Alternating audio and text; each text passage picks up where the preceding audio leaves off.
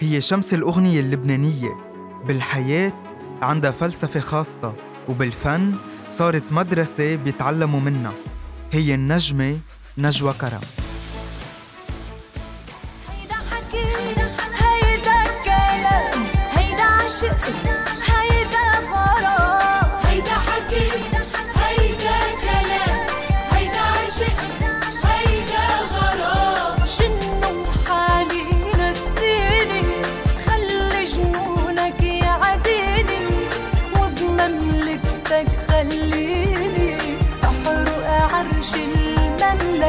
هيدا حكي. صدمت الفنانة نجوى كرم الجمهور لما صرحت ببرنامج جعفر توك بأنها كانت الزوجة الثانية بوقت من الأوقات. كما أنه نجوى كرم أكدت أنها عنفت بس حبت القتلة واعتبرت أنه كان بدها إياها وقالت. حسيت أنه كسر لي عنادي لما أكلت الكف. وهل ممكن أن تدخل نجو- نجوى وتكون زوجة ثانية إذا تزوجت شخص مسلم؟ أه صراحة أنا صارت معي. أنا لما تزوجت كان آه، زوجي بعده لأنه أنا رفضت إنه كان بده كان بده يطلق زمان زمان وأنا رفضت إنه يطلق لحتى ما حدا يقول إنه أنا طلق من وراي. صرحت نجوى كرم إنه مشروع الزواج مش مستحيل. طول ما الإنسان عايش وارد كتير قصص.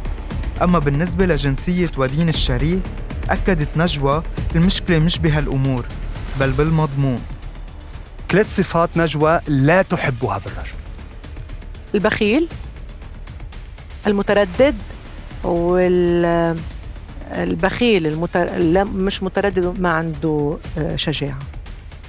هل لازم يكون من ديانة نجوى؟ هل لازم يكون من جنسية نجوى؟ أو أي رجل ممكن أن أن تحبه نجوى؟ لا أنا ما عندي مشكلة بال... لا بالجنسيات ولا بالأديان. أنا عندي مشكلة مع الإنسان مع الدماغ. مع المضمون. تعرضت الفنانة نجوى كرم لهجوم كبير بعد ما صرحت بهالأيام حقوق المرأة صارت موضة. نجوى مع المساواة بين الرجل والمرأة ولكن ما تتخطى حدها وليست مع سلب حقوق الرجل تحت حجة حقوق المرأة. أما بما يخص الأمومة أكدت نجوى بأنه الأمومة بتعني لها وبتحب كتير الأولاد. ولكن هالموضوع مش هم بحياتها أعطت الفنانة نجوى كرم رأيها بحقوق المثليين واعتبرت أنهم أحرار بحياتهم تصرفاتهم. موضوع أيضا يثير جدلا مم. والبعض ربما لا يتحدث عنه كليا مم. هو إعطاء المثليين والمثليات حقوقهم. مع هذا الأمر؟ أكيد. حرين بحياتهم. هذا أيضا كان موجود على المواقع التواصل قالوا نريد أن نعرف ماذا تقول نجوى كرم حري... هذا. هي حرين بتصرفاتهم الفنانة نجوى كرم ضد الزواج المبكر وبتعتبر بعضهم صغار والحياة قدامهم وبعد ما شافوا منا شي لاحقين على الزواج ويجب إعطاء القاصرات حرية الاختيار. اعتبرت الفنانة نجوى كرم بأنه سؤال الهجرة ما بينطرح عليها.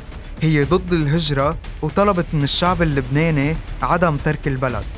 أما بموضوع جائحة كورونا علقت نجوى واعتبرت الزبالة يلي بالبلد تقتل كل البكتيريا الجاية من الخارج. ورغم فيروس كورونا نجوى عاودت نشاطها الفني بالحفلات وتصوير الكليبات ونفت إصابتها بفيروس كورونا.